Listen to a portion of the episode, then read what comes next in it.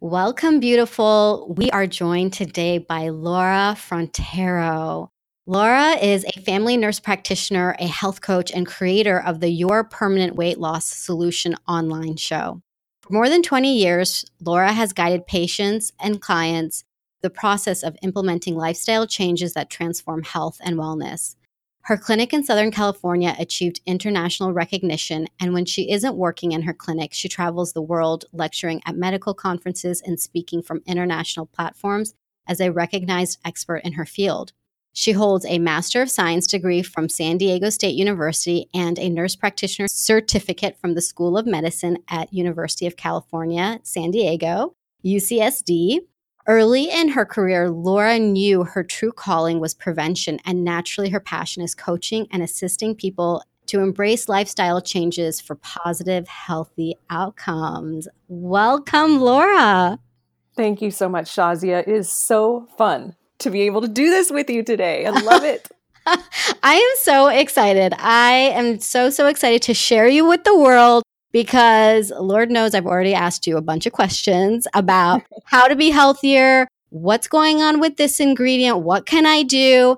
And I want to give you all a sneak peek too. I have actually gone out to eat with Laura several times. And what she's going to share with us today, she really walks the walk. We would have to pick a restaurant when we would go out with Laura that had to be all natural.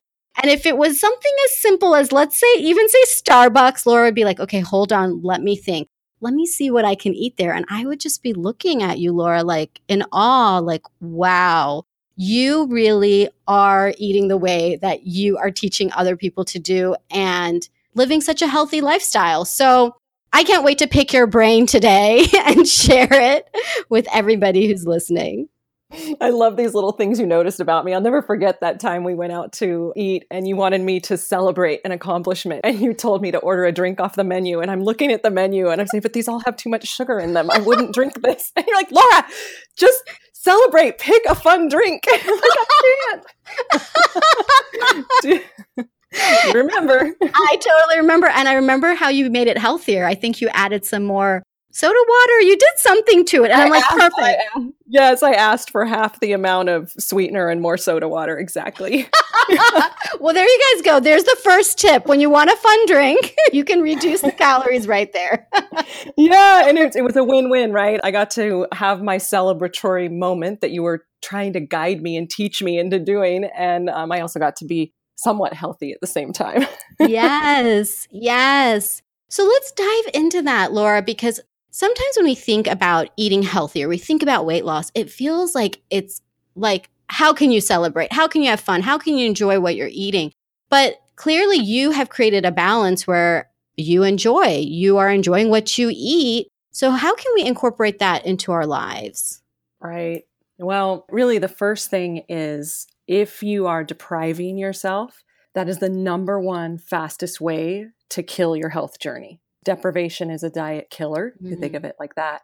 So, really, the goal is to feel like you are living in abundance every day. And that includes with the foods you're putting in your body, the experiences that you're having, the people that you're having around you. If you're abundant in every way, in every aspect of your life, you're not feeling deprived. And so you get to figure out the foods that make your body feel good and the foods that make your body feel truly lousy. And once you figure out the foods that really, really nourish you, and you realize you can't eat those abundantly because counting calories is the last thing I want anyone doing. I want them choosing foods that really nourish their bodies and help them feel good.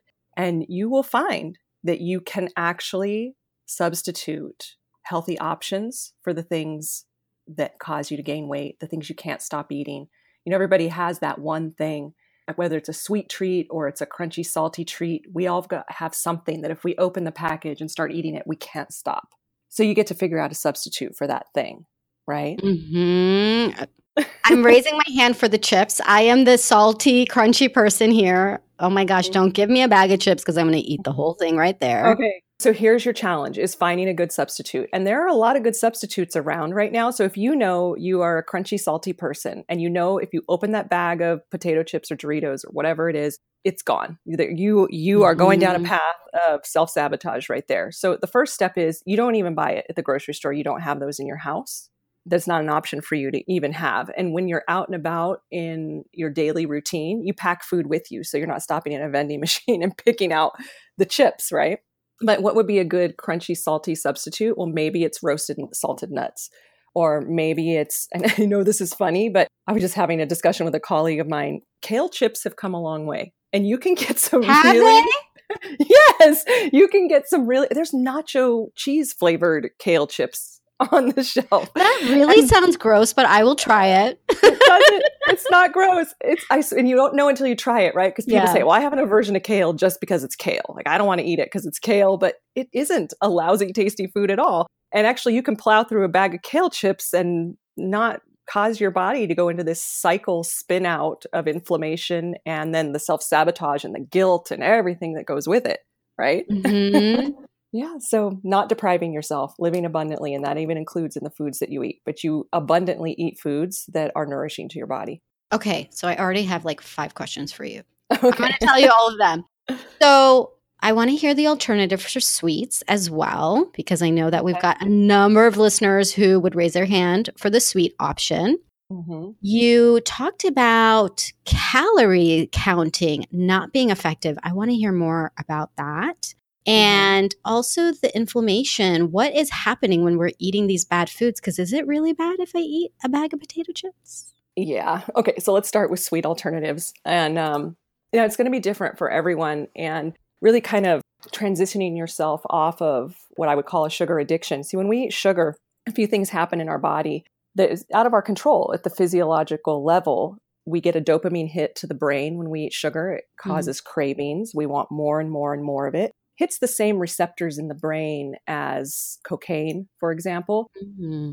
And not to say that, you know, when somebody eats, goes on a sugar binge, they don't become reckless and accidentally kill someone in a car accident. When you, when you are affected by cocaine, you can become reckless, right? So we're not comparing sugar to cocaine in that regard, but we're comparing is what it does to the brain receptors. So you get this dopamine hit and you want more and more and more of it. So that's one of the physiologic things that happens. Also, when you eat sugar, you get all this sugar gets turned into glucose in the body. So now you got to spike insulin up to to absorb up all the glucose in the bloodstream. And this leads people down a path of insulin resistance and diabetes and difficulty losing weight and packing weight into fat cells. And it's just, it's a big giant spiral, right? Mm.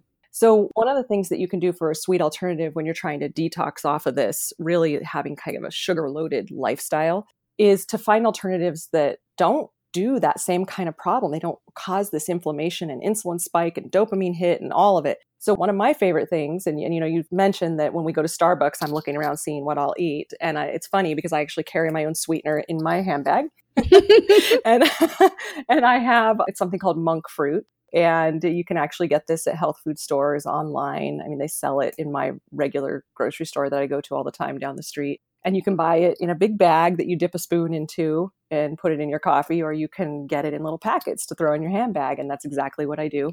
And I get my coffee black and I add monk fruit to it because I don't like my coffee without sweetener, but I've controlled what sweetener's going into my body, right? Mm-hmm. Now, I am a huge, huge chocolate addict. Like, don't waste my time with some fruity candy give me chocolate or don't give me anything at all. We're all different, right? Like, don't give me a Starburst or a Skittles. Like, no way. give me chocolate.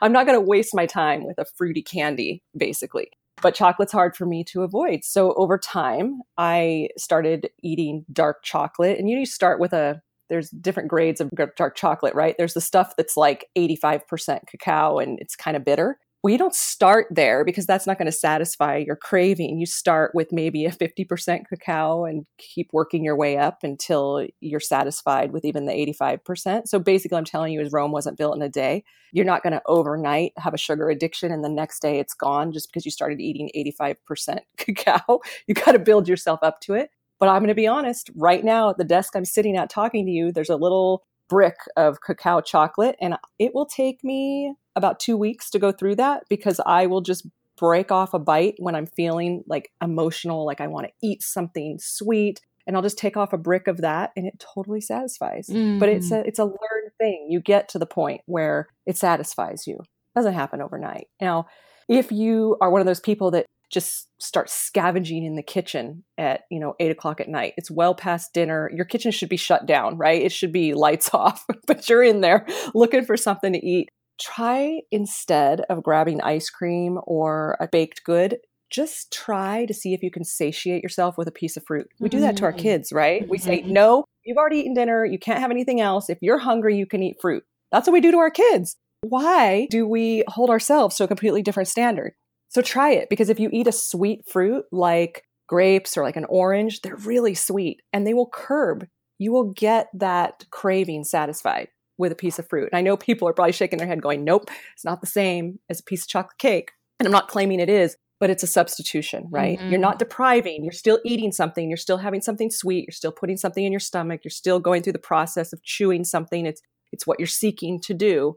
And you've given yourself a better option. And it takes time and it takes patience and it takes, you know, there's going to be days where you just fail and you get to just pick yourself up and move forward and not be defined by that failure. Mm-hmm. you get to keep mm-hmm. going, right? Mm-hmm. How many times, Shazia, have you defined yourself by a failure in food? Like, oh, I can't believe I ate that. And then, and you get stuck down a spiral mm-hmm. where you give up. Mm-hmm. mm-hmm. Yeah, right? that's me and Chick fil A. Yep. Oh, Chick fil A. okay, so let's talk about Chick fil A. Uh, okay, so what is a healthy option that you could do at Chick fil A? So maybe you can do a grilled chicken salad instead of, like, what's your thing? Oh, what do you gosh, love at The spicy chicken deluxe sandwich. Okay, so what would it look like if you take the spicy chicken and have them lettuce wrap it or put it on a salad for you. Could you get is it the spicy chicken you love or is it the wrap or the bun that it's It's in? a spicy chicken. Mm-hmm. Yeah, so what if you can have that spicy chicken and you put more vegetables with it than it normally comes with. Mm-hmm. You get to control that, mm, right? Mm-hmm. I never thought about that. I never thought about recreating something. Oh my gosh. So I'm the queen of walking into a restaurant and saying, So I'd like to do this and this and this.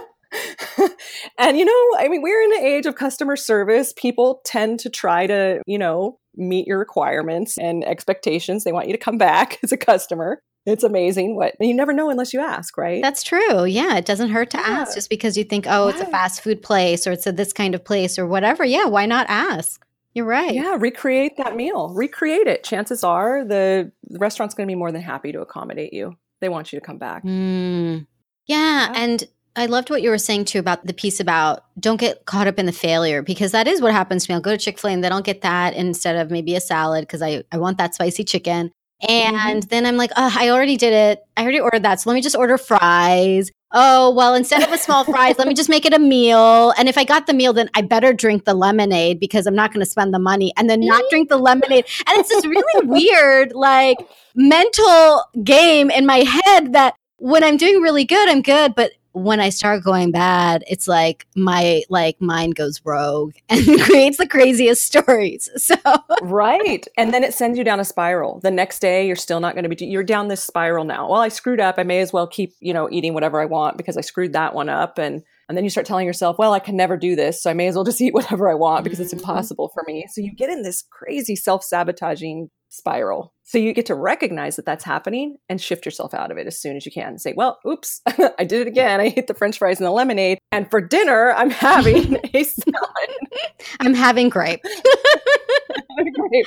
Having grapes, right. Okay. So you asked about calorie counting and it not being effective. Yeah. All right. So here is just what I'm going to point out. For the last, let's say, 50 years, we've been obsessed as a culture with counting calories. And we've been told and taught that if we count our calories and reduce them, that we will lose weight. And take a look around at 95% of dieters, calorie counters who absolutely fail at trying to do that. It does not work. And we keep repeating the same thing and it doesn't work. So losing weight is so much more about counting calories. If you want a temporary fix, if you have an event coming up and you want to fit into a smaller dress size, you can absolutely lose weight by counting calories. You can deprive yourself of food and lose weight. Mm. But what happens the minute you start eating again? Your body gains it back. There's lots of reasons and lots of theories, by the way, for what's going on in the body. And one of the things um, has to do with inflammation. One of the things has to do with toxicity in the body and all the environmental toxins that we're exposed to that are packed into fat tissue. That's kind of a safe place to put toxins in the body. And when we lose weight, there's these toxins floating around, and your body is looking around going, I can't release all this stuff. It's too much work to excrete it through the urine, through the sweat. I need to pack it away somewhere. Mm. And as soon as you stop restricting those calories, your body goes back into protection mode and starts packing chemicals, toxins back into fat cells. You start gaining weight again. You've heard of people who lose weight and then they stop dieting and they gain it all back and more. Mm-hmm. Yeah. I mean, so knowing that that happens, it's a flawed thinking that calorie counting is the way to lose weight. What's really more important is the quality of the food that you're putting in your body, not the quantity. Nobody's going to argue that the nutritional content of two cups of broccoli is better for you than two cups of french fries, right? Mm-hmm. Nobody's going to argue that. Dieters intuitively know that. It is healthier for me to eat two cups of broccoli, but who wants to eat two cups of broccoli? Mm-hmm. That's the problem. so, I mean, unless you're geeky like me and you like really get excited about broccoli, but the overwhelming majority of people are feeling deprived. So, it's a matter of finding calories from healthier food choices and not counting them at all, but realizing you can have unlimited vegetables if you want, whatever vegetable that is that you love. So instead of having french fries, maybe you're having a steamed potato or a baked mm. potato, right? Mm-hmm. Or so maybe you're still eating the potato, but you're eating it cooked a different way. Or maybe, and you know, this is a really easy thing to do at most restaurants, you can always sub salad for fries, right? You can always do that. So it's a matter of deciding that you're going to actually make that choice for yourself. Is there something you would recommend to encourage that choice? Because, like you said, I mean, the salad versus the fries, it's a hard yeah, proposition. Oh, yeah, it is. It is. So it, you end up really needing to kind of set boundaries for yourself. Mm and say, okay, I'm going to allow myself to eat. Where do we eat French fries mostly? Not in our homes, right? Mm-hmm. We mostly eat French fries when we're out because most of us don't have a deep fryer in our kitchen, right? No. I'm going to go out and say most of us, most of us don't have a deep fryer. So, what do you do to set yourself up for success? You plan your life. So, the winners at weight control plan their weeks and they know exactly what they're going to be eating throughout the week. They know when they're going to go out to dinner, when they're going to be eating at home and they control their environment. Mm. So, not putting yourself in the situation. So, if there's this place that serves french fries that you love, then you know you're going to limit yourself from being able to go to that place to however many times, you know, in a three month period, whatever. You're going to set yourself up for success by not going there. If you don't expose yourself to that menu, you're not going to order it right? Mm-hmm. So it's a strategy. If you know, so every one of us has one or two foods that we cannot stop eating. And if it's in front of us or if there's an option to order it, we will. And so you have to set yourself up in a situation where you're not putting yourself in that environment on a regular basis. So if you're a kind of person who goes out to eat every day at lunch while you're at work, then you get to restructure your life and figure out how to bring your lunch to work every day so you have control over what you're eating. And um, you know, I'm a food prepper. I prep my meals and I make four or so lunches at a time and throw them in the fridge and just grab and go in the morning. So it's all set. I can't fail because I've set it up that way. And are there certain go-to meals that you prep? Yeah. So one of my favorite things, because it's so simple and can be eaten cold, I roast off all different kinds of vegetables in the oven. So you basically take, you chop up root vegetables and broccoli and cauliflower, and you can use asparagus and tomatoes and mushrooms, and you can chop up onions, like any combination, bell peppers, any vegetables you want. And, you know, you take two or three different types of vegetables, toss them in avocado or olive oil, roast them in the oven on a cookie sheet for like 30 minutes and they become caramelized and delicious. And then I let them cool. And then I'll set up my containers and I'll make about four salads at a time. So, usually spinach or some kind of mixed greens. And I throw my cooled vegetables on top. And then I might cut up some raw vegetables like cucumbers and tomatoes and whatever I have raw laying around. And then I'll put a protein on it. So I'll cook off, like maybe I'll grill some fish or I'll grill some chicken and let that cool, throw it all on the salads and make my own salad dressings out of simple, simple stuff oil and vinegar, olive oil, and apple cider vinegar, balsamic vinegar, Dijon mustard, and I just make separate containers and throw it all in the fridge and grab and go for the next several days. Super easy. That sounds so good. I never thought about roasted vegetables on a salad, but as you were describing what you prep, I started salivating. I'm like, I want that right now because it took it So from a boring cold salad. Because for me, it's the coldness of a salad that I'm not into Mm-hmm. to having something really like nice and different. And even though, of course, the roasted vegetables cool down, like you said, they caramelize, it has a warm feeling. Oh, they're so good. Yeah. Yeah. Well, and if you like to do warm things, then I always recommend things like curries and stews and soups. Like you can prep that easily and then just throw it in the microwave at work. But that is one of my secrets to my success. And you know this, and the amount of times that we've spent together, like I show up with my food. Yeah. And I show, and I That's true. Everybody listening. Laura always had food uh, every single time. we only went out to eat because she was forced to go out to eat. It was part of the leadership program that we were in. So we had to go Yep. to a restaurant. That's why Laura was in the conundrum. Otherwise, she had the food with her. I totally had salads with roasted vegetables and avocados. I mean, I eat an avocado a day. All that healthy fat fills me up. It's good for my body. It, fat does not make you fat when you're eating the right fat. What makes us fat is sugar and carbs, Mm. right? So, healthy fats like avocados and olive oil. And for people who are dairy tolerant, grass fed sources of dairy are fine, organic and grass fed, like grass fed butter. But yeah, healthy fats fill us up. If we eliminate, oh, that's another thing, like get me on this bandwagon. The sugar free craze of the 80s, 90s, and even now, this has been one of the biggest failures in dieting history. Sorry, I said the fat free craze, not the sugar free craze. The fat free craze is Mm. what I meant to say, because that lent us to creating uh, processed foods that were high in sugar and simple carbs. So we're all running around avoiding fat and eating more carbs and sugar, which actually stimulates appetite and leaves us hungry and makes us want to eat more. I'm sure that the people listening have done that where they ate a low fat meal and maybe it's like 300 calories or something because you were counting calories, right? Mhm. So you've eaten a 300 calorie meal and there was no fat in it and you're starving an hour later, literally starving. It's because you didn't have any fat. You didn't have any fat to satiate you. So your meals should really be balanced. Like when I make my salad dressings with that healthy avocado and olive oil, I'm eating that fat to fill me up. And I'm eating that avocado to fill me up, to keep me going to the next meal. I didn't know that, Laura. I didn't know that fats fill you up. I always thought you have to eat a lot of protein or carbs. I mean, I I'm clearly not an expert, and clearly I was wrong.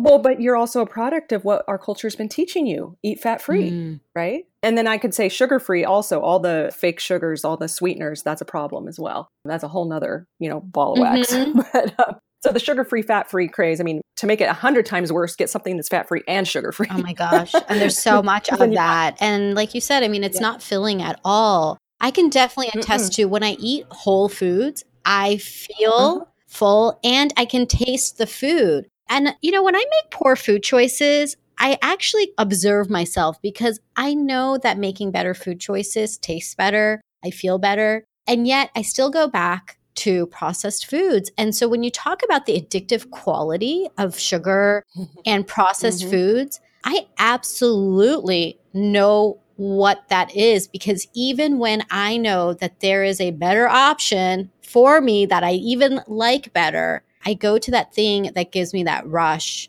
in that moment. Oh, and you're not imagining things. So, you know, the food industry is serious about hooking you and addicting you to their foods because they want you to buy more. They are in the business of making money. Do not be fooled. The food mm. industry is not in the business of nourishing your body. They are in the business of making money and more and more of it. And whatever ingredients that they use to get you addicted to their food keeps you coming back for more. And the more addicted you are, the more you buy and the more money they make. So make no mistake on false labeling when things say, when packaging says things like all natural or low fat. There's another one that we just went down the low fat trail. It's a bad place to go. When they make claims of, oh, this is whole grain, but are you looking at everything else that's in that in that processed food? I think people are confused about what processed food is. People tell me all the time I don't eat processed food. And so I think that people are confused what that means. So processed means that it was put together in a factory and packaged in a bottle, a jar, a can, a box for your consumption. You didn't take the raw ingredients yourself and make it from scratch, Mhm. right? So a salad dressing that's already been prepared for you in a bottle is a processed food. But here's a good one spaghetti sauce. people say, I don't eat processed food, but they don't make their own spaghetti sauce either. They're buying a jar of some sauce and dumping it on pasta. Pasta is a processed food, by the way. And the spaghetti sauce, if you look at the label, generally the second ingredient or so, first ingredient, tomatoes, second ingredient, mm-hmm. sugar.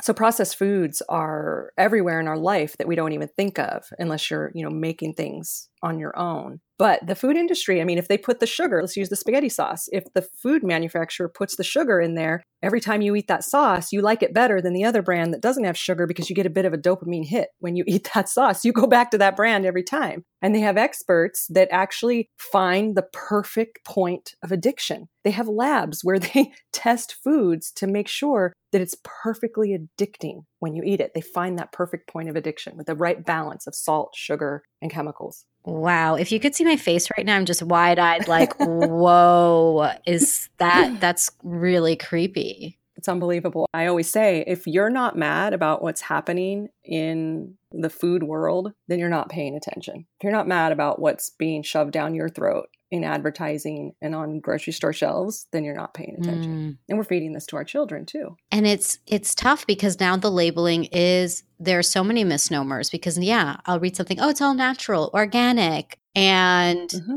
you think, oh, okay, or non-GMO, but it could have 50 other ingredients in there. And right. And what exactly does non GMO mean? I mean, that's a buzzword right now that nobody really understands. I mean, research is really conflicting on GMOs. There is research, valid, evidence based research that suggests that GMOs are completely safe. And then there's research that suggests that maybe it's problematic. Like we're starting to see maybe it has something to do with the development of food intolerances and allergies. But I will tell you this and by no means am I a person who's like, I'm going to go look for GMO foods and buy them. But I will say this that if it weren't for GMOs, starvation would be a bigger problem in this world. I mean, I'm going to go out on a limb and say that most of our listeners today are well resourced mm-hmm. people. But if you look around the world at the poverty and areas in the world where growing conditions for food are poor, without GMOs, crops wouldn't even exist because they need to be able to have drought tolerant crops or pest tolerant crops. So whole entire populations of people would be wiped out if it weren't for GMOs. So just remember that.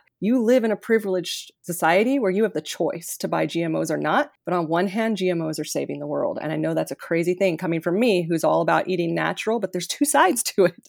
That's really interesting because, yeah, I've heard GMOs like the devil. And so I've been focused on non GMO, but who knows what I might be eating in that same thing that is really bad. So, how can we? I mean, really, when we start talking about food, I know that I start feeling overwhelmed because I want to make good food choices. So, I can commit mm-hmm. to the prepping. I love that. I love taking the power back and saying, okay, if I prep, then I'm not going to end up at Chick fil A as often as I do. I couldn't keep putting mm-hmm. myself under the microscope, but I won't mm-hmm. if I have food and I can just grab something for the times I'm on the go. But mm-hmm. I can definitely start feeling overwhelmed with, okay, well, then what do I get? Like, is everything bad? Like, what? Just somebody give me a list. Laura, tell me, like, what should I be buying and what should I not be? Right, right. And the majority of my clients say, Laura, I'm overwhelmed with information. There's so much information out there on the internet. We're in the information age. I have no idea what I should be eating. This person says to eat this, this person says to avoid that. And I have no clue what to do. So, what are some basic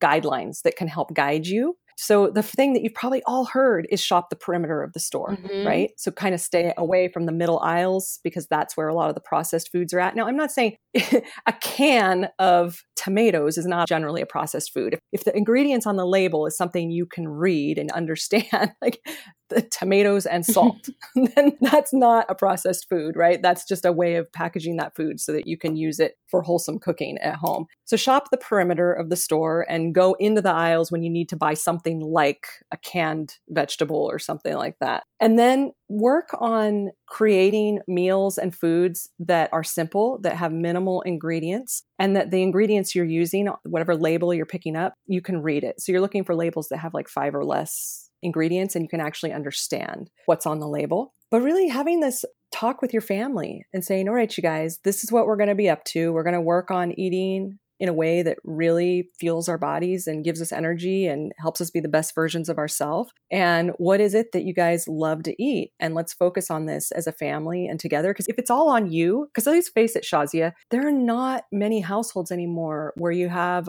a woman staying at home being able to spend her entire day prepping mm-hmm. and preparing to take care of her family. We're all busy with jobs and side gigs. I mean, I've got a job mm-hmm. and a side and gig mom. and yeah, a mom. Yeah. Right? right. So I can't do this unless I have the investment of my entire family. And that's a conversation that gets to happen around the dinner table. Like, let's help each other, support each other, be the best, strongest version of ourselves that we can, and be together in this. So, what do you guys want to eat? And what do you think you can do to help me prepare that? And, you know, and for in my household, my husband does a ton of the shopping. And the way that we set that up is we have a list of foods. Like I have a list that gets printed from the computer and it has every food that we buy ever on it from all the different stores we like to go to. And as we run out, we circle them. And so at the end of the week, you can see what you're mm. out of. Mm. And you tend to cook the same, you know, five to 10 meals in a month over and over and over again, right? We're creatures of habit. The goal is finding things that your whole family likes and that you like and that's quick prep and easy to do, and then keep repeating. So rinse and repeat and rinse and repeat and set yourself up for success by having that list of, you know, the whole shopping list of everything you like to cook and prepare. And whoever uses the last of it, they get to circle it.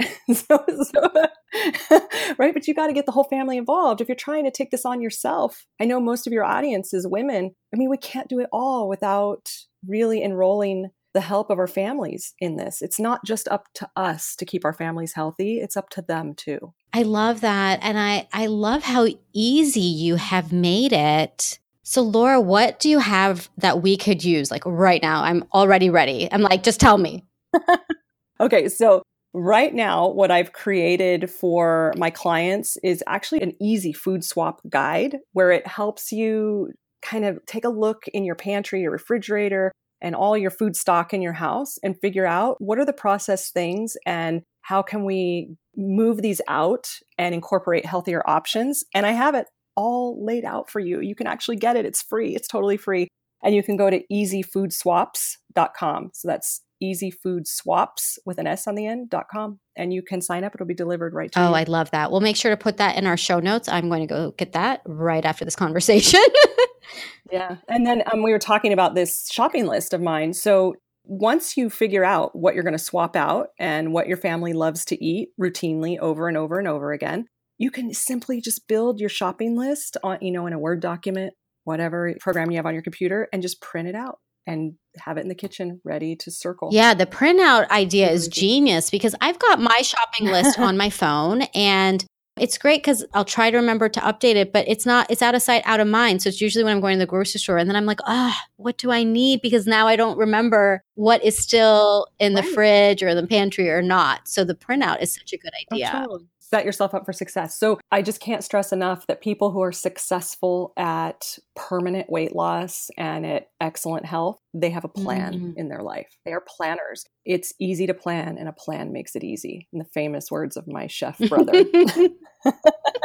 Who is your chef brother? Chef Thomas Frank is my brother, and he is a classically trained gourmet chef. And we're actually partnering on a project together. We're actually writing a book and teaching people how to live a healthy lifestyle while you live abundantly, eat abundantly, and just avoid the things that cause us to go down that path of inflammation and poor health. But he's a private chef. He works for some billionaires and travels around the world with them six months of the year. So he has a pretty fun life. Wow, that sounds fabulous. I can't wait until I have my personal chef too. I'm going to have to bring you and your brother on when that book releases. How exciting! Yeah, so that's probably going to be a, a, year from now, probably. So stay tuned for Definitely. that. Definitely. Well, in the meanwhile, I know that people are going to want to keep in touch with you because we didn't even touch on inflammation. I mean, everything you talked about today, Laura, there's so much. There's so much. And I know that people listening are going to want to know more and be in touch with you. And I know you actually have something really special that's happening to share with our guests.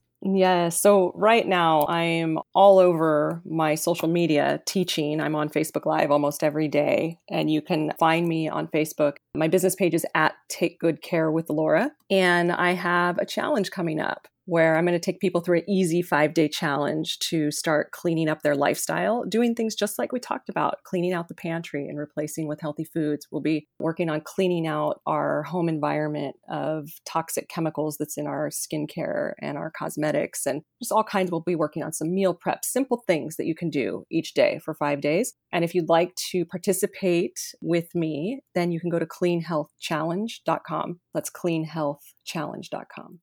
Yes, absolutely. Thank you for sharing that, Laura. Oh, and it's free, by the way. Did I say? Oh, no, I don't free. think you did. So that's a free challenge yes, where you get more of Laura and you have real, tangible actions to get your life, your pantry, your food, everything in order. I'm going to be in that challenge too. I'm telling you right now. yes.